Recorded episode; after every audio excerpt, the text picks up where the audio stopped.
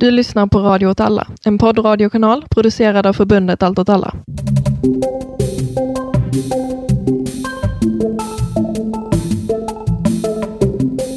Hej hej och välkomna till ytterligare ett avsnitt av Frys hyran-podden med mig, Anna och Måns. Yay! Hallå! Hej! Vad trevligt att sitta här på distans över jullovet. Dagens avsnitt så har vi gjort en liten digital turné över Europa.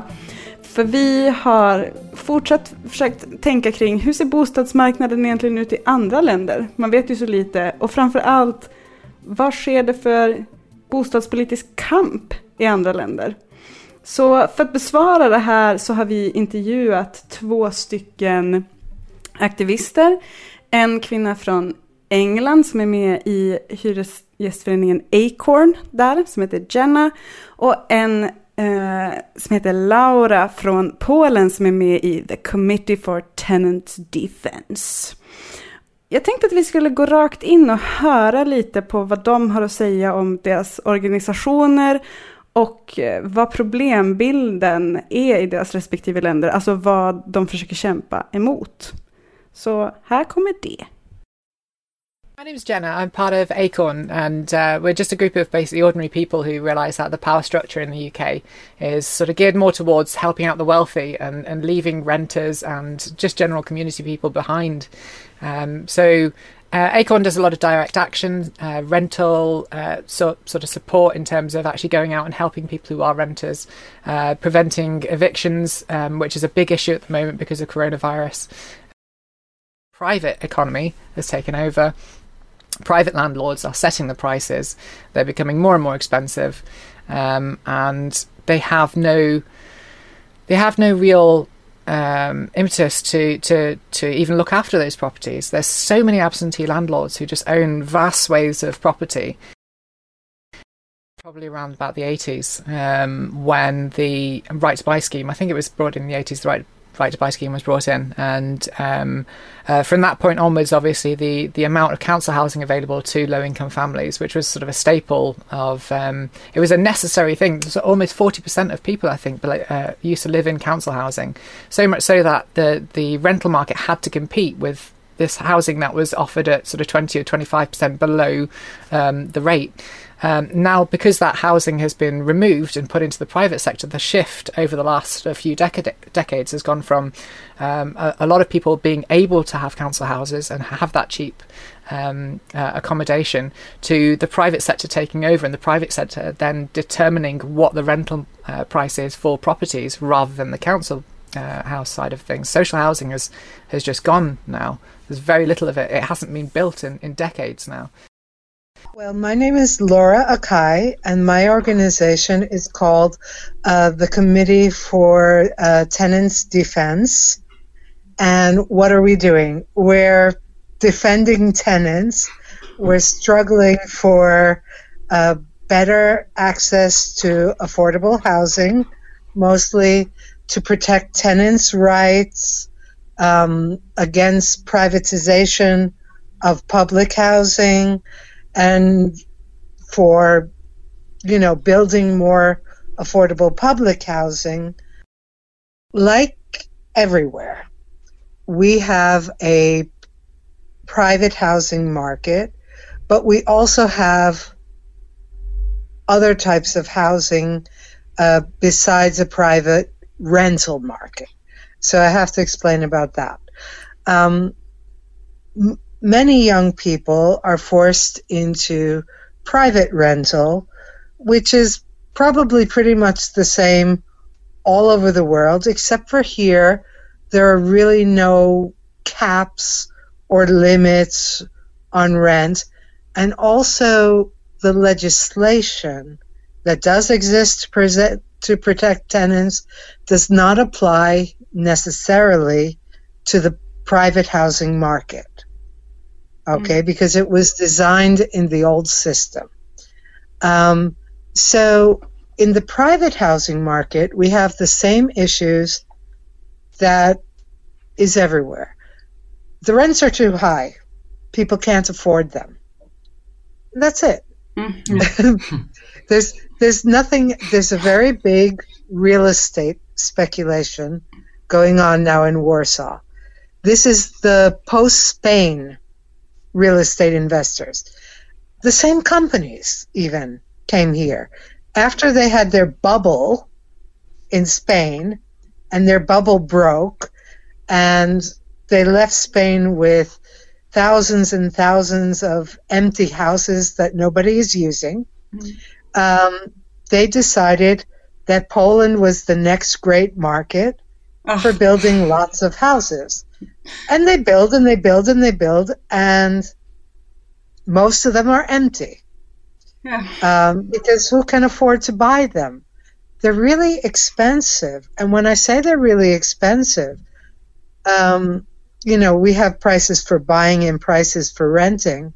Well, you can rent a flat in Berlin for the same prices like Warsaw. But in Berlin, you're going to earn much more money. Det, är- det är spännande att höra från, från de här på ett sätt väldigt olika verkligheterna som samtidigt har så himla mycket gemensamt.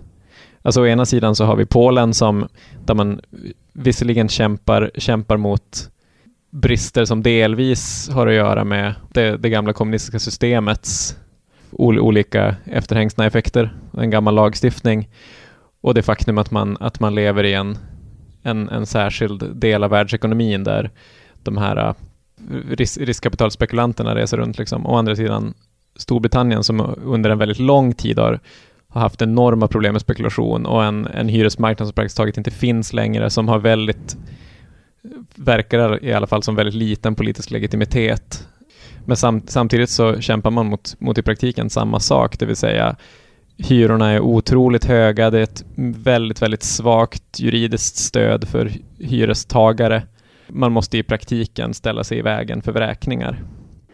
Ja, och det är så intressant ändå, det tycker jag man såg när den här filmen Push kom ut också, sådär, men att den här bostadskrisen, som man lätt kan tro är ett problem för sitt eget land, alltså att vi befinner oss i Sverige, vi befinner oss i Malmö, vi har en bostadskris som yttrar sig genom att folk inte kan hitta boende och framförallt inte hitta boende man har råd med. Det är så intressant ändå att det är internationellt. Att det är i princip likadant i alla länder fast med olika twister beroende på nationell kontext såklart. Men jag kan som fortfarande inte riktigt greppa att det här faktiskt har hänt och att eh, folk har låtit det hända och att det har tagit sån tid även för mig att förstå liksom, omfattningen av det. Verkligen. En, en sak jag tycker är intressant också, det kanske vi, vi kommer komma in lite mer på så småningom, det är ju hur hela den här, den, den globala bostadssituationen som vi befinner oss i, nästan oavsett lagstiftning, har tvingat in hela, hela boendet i någon slags juridisk gråzon. Alltså, för att om man lyssnar på de här de problemen som de tar upp, det är ju inte egentligen att det är någon som, inte så mycket i alla fall, att, att det är hyresvärdar och, och fastighetsägare som, som begår lagbrott och sådär, utan snarare att personer som är hyrestagare i allt större utsträckning tvingas in i de här, ja men så här, ham, man hamnar på informella kontrakt eller man hamnar, man hamnar i världar där fastighetsägare och hyresvärdar kan göra lite som de vill liksom, verkar det som. Och att det här samtidigt är ett utrymme som man kan göra motstånd i. Alltså att en, en taktik som ja men, vräkningsblockader och sånt som, som i många sammanhang är en väldigt liksom, radikal taktik. Att, det är ju verkligen att, att ställa sig i vägen för, för ett sätt att utöva äganderätten. Att det ändå är någonting man kan göra för att man befinner sig i det där den här helt bizarra världen som är bostadsmarknaden. Men verkligen, jag tycker att det är så himla intressant att man på, i, i, flera olika frågor världen över just nu tvingas liksom återuppfinna fackföreningar, deras metoder och typ hyresgästföreningar och vilka metoder man kan ha. Att det har gått som en hel vända runt. För så är det ju med typ gigjobb och annat. Alltså att så helt plötsligt står en stor grupp av arbetstagare utan de rättigheter man brukar ha. Och därför måste man liksom uppfinna nya kampmetoder igen. Och det är samma sak lite på bostadsmarknaden, att så här, vi har haft några år av relativ trygghet, eller absolut inte alltid för alla, men helt plötsligt står liksom fler och fler av oss utanför vad man kan kalla den formella bostadsmarknaden. Man tvingas in i så olika konstiga kontraktsformer där man inte har några rättigheter att liksom jobba med rent lagligt. Och då tvingas man liksom tillbaka in i de här grejerna, att man får blockera rent fysiskt från att bli vräkt, att man får försöka skapa nya organisationsformer igen. Och det är det som både Acorn och den här Committee for Tenants Defense gör egentligen, att de skapar så här Hyresgästföreningen 2.0. Och det är sorgligt, men det är också väldigt viktigt och peppigt att det faktiskt sker idag ju. Ja, Ja, och, och, precis som alltså det, det jag var inne på för en liten stund sedan, att det verkar också som att, som att man kan göra det här med relativt låga risker inblandade. Man, man återuppfinner liksom en levande, en levande och ny och en, en, en på många sätt hotfull social rörelse. Liksom. Fast det känns inte som att reaktionerna utifrån är sådär jättestarka egentligen. Staten verkar inte vilja ha jättemycket att säga till om, liksom, vare sig till eller från. Och det kanske beror på att hela, hela bostadsmarknaden är i sånt en sån jävla katastrofal situation att eh, det är bättre att låta folk bråka och behålla sina bostäder än att spä på ett hemlöshetsproblem. Men det kommer vi kanske komma in på längre fram i de här intervjuerna, att jag har helt fel i det.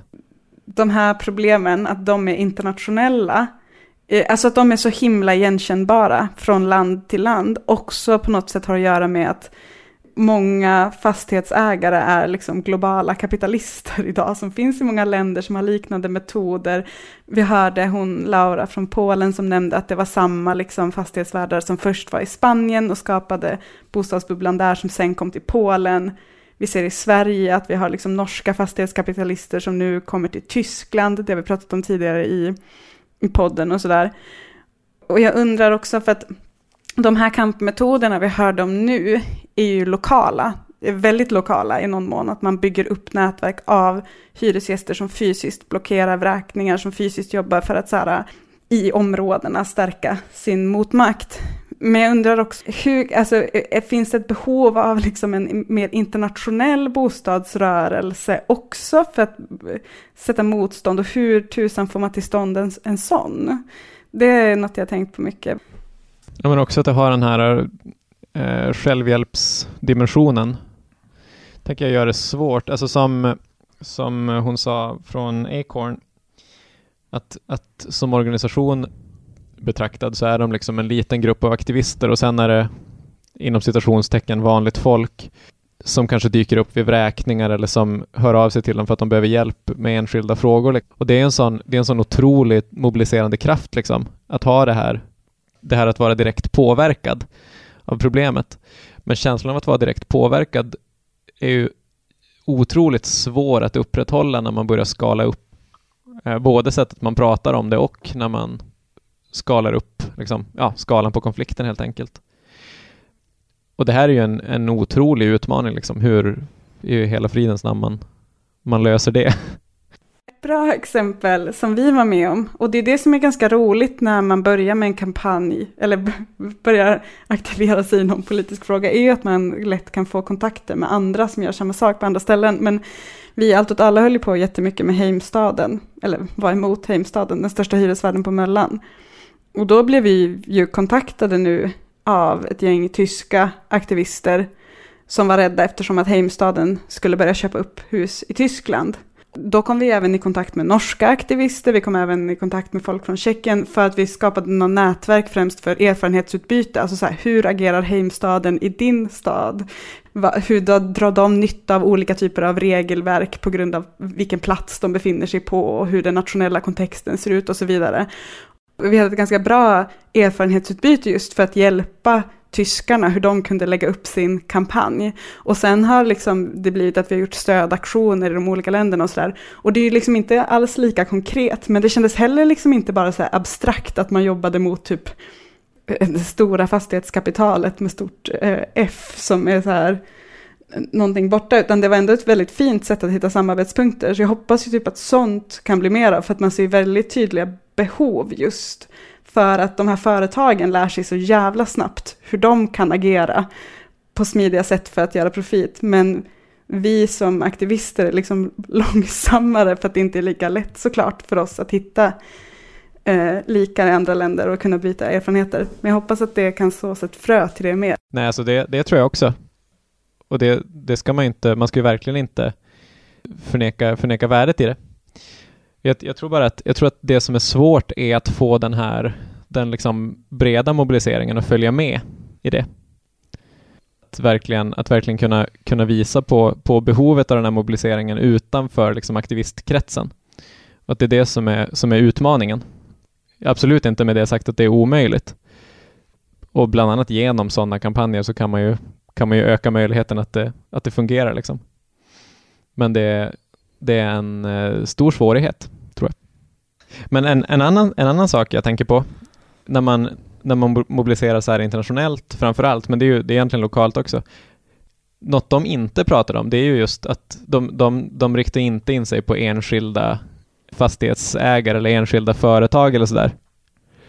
För så blir det ju väldigt lätt så fort man ska liksom öka skalan på det.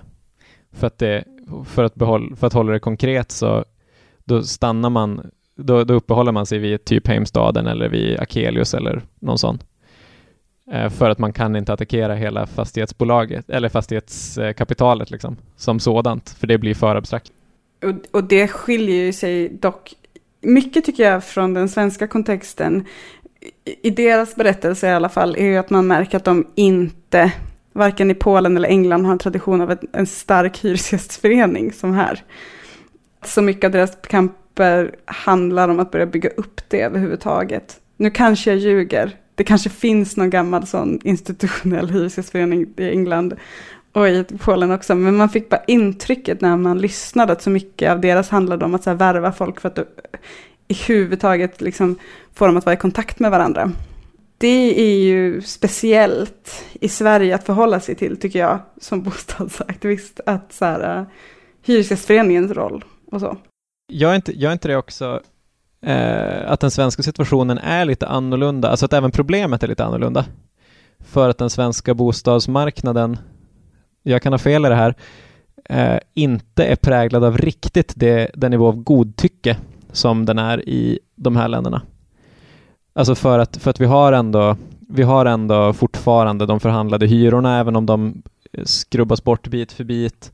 Vi har liksom och vi har institutionaliserade sådana ja, bostadsmarknadens parter, om man säger så, som motsvarighet på arbetsmarknaden, som, som löser upp ganska många av de här fullständiga godtyckligheterna som, som jag tycker att båda personerna i intervjuerna pratar om. Om man ser på eh, en stad som Stockholm, exempelvis, där det nästan, alltså där eh, antalet hyresrätter har sjunkit så dramatiskt, men det fortfarande är väldigt många hyresgäster, bara det att de bor i andra hand eller tredje hand eller svart. Det har ju öppnat upp just för den här oreglerade marknaden också, som är verkligen så fuffel och båg gånger tusen. Och den finns liksom där också, men man tänker fortfarande utifrån att vi har det ordnat. För att de formella kontrakten ändå är ordnade, men i städer där de konkurreras ut, så öppnar det ju också upp för den här crazy laglösa landet som man har sett mer utomlands innan också. Mm. Jo, absolut. Jag, jag, jag ville egentligen inte påskina att, att Sverige var så himla bra på det här området. Däremot att läget är lite annorlunda, alltså att, att det här våldsamma godtycket i alla delar av bostadsmarknaden, liksom, som du får när du har en fri hyressättning och en väldigt stor privat hyresmarknad, som väl England är ett, ett typexempel på, liksom, och som Polen är till stor del också. Och utan, utan de här institutionaliserade parterna som vi har pratat om nu, alltså med Hyresgästföreningen och sådär. Att det, det öppnar å ena sidan upp för så, så otroligt mycket dåliga dealings från, från eh, fiendesidan, men det öppnar också upp, precis som du har sagt, för eh, sån himla kreativitet liksom, hos de som vill göra motstånd. För att det finns inte etablerade sätt att göra motstånd. Nej, precis. Och det ser man ju också i, i Sverige. När det kommer till kampmetoderna för de som är mest liksom, utsatta på bostadsmarknaden så har ju de varit väldigt kreativa. Och det har ju ofta inte skett inom ramen för Hyresgästföreningen heller. Utan det har varit lokala initiativ som just har blockerat vräkningar som har kämpat för att typ, vissa typer av flyktingboenden ska få bättre standard. Alltså annat sånt där. Som, där det verkligen ju finns tydliga paralleller till de här historierna vi hör från Polen och England. Well, we exist in Warsaw, but the fact is that our range is a little bit bigger. Although our group is in Warsaw, very often we have to do things outside of Warsaw. And because we're in the capital, we have an opportunity a lot to influence on housing policy on the national level um, by going to the parliament, the Senate, and lobbying usually against their bad ideas. We have better ideas. um, yeah, but but we're one of the few organizations that ever get invited there to say anything. Uh, so, you know, we do go there, and um, so so basically, our work also has a national impact. I've rented since I moved out when I was 15 and I've rented ever since then. I had all sorts of problems, but I didn't really have anyone to speak to about them over the years. I just sort of accepted it. And you, over the, as a renter, especially in the UK, you, you just learn to accept anything that happens. And you, you like it's somebody else's house. If something goes wrong, etc. Yes, it's perhaps their responsibility, but if they don't want to do it, I have to just deal with it myself. So you spend your own money on decorating, you spend your own money on all the problems, etc., etc., etc. And it's good now to have uh, be part of a, a, a group that understands the legality of the various things that you have to deal with in the rental market, and even um, if something goes wrong that isn't um, something that you yourself can solve or they can solve, they will go out there and they'll find a way of resolving that situation. That means that you can have a home, which is great. The general the general goal is to take a little bit of power away from the uh, the wealthy elites within this country who control the rental market, who control the lives of the people that we're helping, and take that back more into into the community, so that the community can have the funds and the necessary a- a- access to local councils and local government to be able to make the changes that are going to improve their lives. Um, so I think that's that's kind of the if I could put it in a nutshell, that's that's kind of what it's about. It's it's ordinary people who want to fight against the system that is is treading on them in whatever way we can and improve the lives of all of our citizens. En sak tycker jag är väldigt intressant. Och det är vad Jenna från Acorn säger om att det här perspektivskiftet man kan få som individ när man organiserar sig. Och det tycker jag är så viktigt just i bostadsfrågan för att jag tycker att vi i Sverige idag har ju börjat acceptera mer och mer sjuka grejer som individuella problem. Som att det är helt rimligt att man som 18-åring i princip inte kan få ett boende om man vill flytta hemifrån. Att det är svårt, att man ska köa i typ 10 år, att man måste annars skuldsätta, alltså massa sånt där. Det liksom läggs på en, att man ska känna sig stressad och må dåligt. Och det hon beskriver där, att helt plötsligt bara känna att så här, nej men det är inte mitt problem, det här är ett problem som vi ska kämpa för tillsammans och vad det gör med en psykiskt. Det tycker jag är viktigt att tänka på och peppigt och fint. Och jag hoppas verkligen vi lyckas skapa någonting liknande här. För det är så viktigt att börja tänka på bostadsfrågan, inte som ett individuellt problem, utan som ett liksom gemensamt välfärdsproblem istället. Mm. Ja, men och, och, likheten, likheten med, med fackföreningar är ju slående där. Alltså att gå, att gå från att vara ett, ett utsatt subjekt till att vara ett, ett gemensamt som har kraft på ett område av livet där man inte har förväntat sig att man ska ha det. Eller där man har lärt sig att acceptera att man inte har någon makt överhuvudtaget. Men på något sätt är det ju svårare att skapa det med, med bostadsfrågan, tänker jag, eftersom att fackföreningar ändå bygger på något sätt att man har kommit in på arbetsmarknaden och har en arbetsplats där man hittar sina kollegor och snackar ihop sig. Men att ett stort problem idag är ju att folk bor på konstiga kontrakt, att man inte kommer in på bostadsmarknaden, alltså just sådana frågor också. Man vill ju skapa den här gemenskapen. Mm, det tror jag också. Och att det finns egentligen ingen självklarhet i att identifiera sig med sitt bostadsområde. Alltså att känna solidaritet med sina grannar är inte, inte lika självklart som att känna solidaritet med personer på en arbetsplats, tror jag, för de allra flesta. Alltså, om, det inte är, om det inte är grannskap eller byar eller vad, vad som helst som har liksom redan innan har en, en tydlig sammanhållning. Det märker man ju också att det som verkar skapa gemenskap, det är ju gemensam konflikt. Alltså som när om man bor i ett helt hus som plötsligt ska renoveras upp och alla riskerar att bli vräkta, då verkar det ju faktiskt finnas en, en riktigt bra grund för eh, politisk kamp därför att helt plötsligt så har man någonting som knyter samman en på ett rätt självklart sätt. Men, och jag tänker att det är jätteintressant för att där kan man ju också tänka på hur platser som typ sociala center som vi har försökt skapa i Allt åt alla i ett område, alltså att man kan försöka skapa andra platser i, i sina områden som noder för motstånd av olika slag. Som man kan enas kring, alltså om man inte har en fast position som eh, en hyresrätt där man tydligt kan identifiera sig med så här, åh, vårt hus håller på att förändras så. Alltså att man hittar andra gemenskapspunkter också i området, tror jag är jätteviktigt. Och det är det de har försökt göra mycket i England, men också länder som Italien och som jag tror är viktigt att vi i Sverige också hakar på och försöker skapa. Just för att sätta emot det här som du beskriver. För där ska man ju, om man ska vara lite snäll mot, mot Sverige också, så det här tänker jag specifikt är ett stadsproblem. Det är synd här att, att det, det globala ekonomiska problemet som vi ser här slår tydligast mot de platser där platsidentifikation är svårast och platssolidaritet verkar vara svårast att liksom skapa. För att i mer glesbefolkade områden, då kan ju liksom det faktum att det finns en skola på platsen, det kan ju vara fullt tillräckligt för att skapa en jättestark lokal gemenskap som också kan mobiliseras till vad som helst. Liksom. Eh, bara för att det finns en sån liksom enkel mötesplats mellan alla möjliga som, som bor på orten. Liksom. Men och jag tänker att det är så viktigt det du säger. Och också det du sa innan när du sa så här, men det är en så tydlig parallell till fackföreningar. För på ett sätt är det ju det som det ser ut idag med nya former av arbete, som typ gigarbeten och sånt, där man inte har kollegor på ett tydligt sätt, där man inte har en arbetsplats på ett tydligt sätt, men där det ändå finns behov av kamp. Och då måste man hitta nya kampformer och nya sätt att tänka.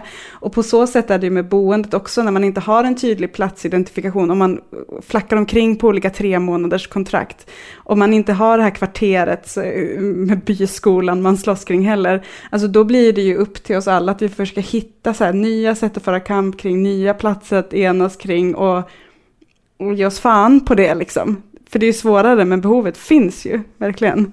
Och det är viktigt. Precis. Där, där kan man ju också tänka att, att, det, att det finns en större fråga om hur man organiserar livet i städer överhuvudtaget. Det är klart att det, det har ju andra liksom mör, möjliga mörka sidor också, att, att bli alldeles för lokalt fokuserad, inte minst i fråga om segregation och sådär. Men att det finns sådana uppenbara, det, det skapas en uppenbar svaghet att inte ha lokala mötesplatser och att inte livet för alla som bor på en plats är så starkt skilt från den platsen och så starkt skilt från de andra människorna som bor på den platsen också. Men jag blir ändå hoppfull för att jag, jag tycker att trots att allting är skit och att det är internationella problem som vi har hört om, är det ju någonting som händer samtidigt i nästan alla länder. Alltså det startas den här typen av nya boendeorganiseringar, det startas, alltså, folk börjar agera och vad man vet är att Sverige, vår lilla perifera del av världen, vi kan ju hoppa på globala trender så jag hoppas att det här också får rot här. Och att det, jag tror på att det kommer börja, vi kommer börja se mer sådana här gryende rörelser här också. Jag hoppas verkligen det i alla fall.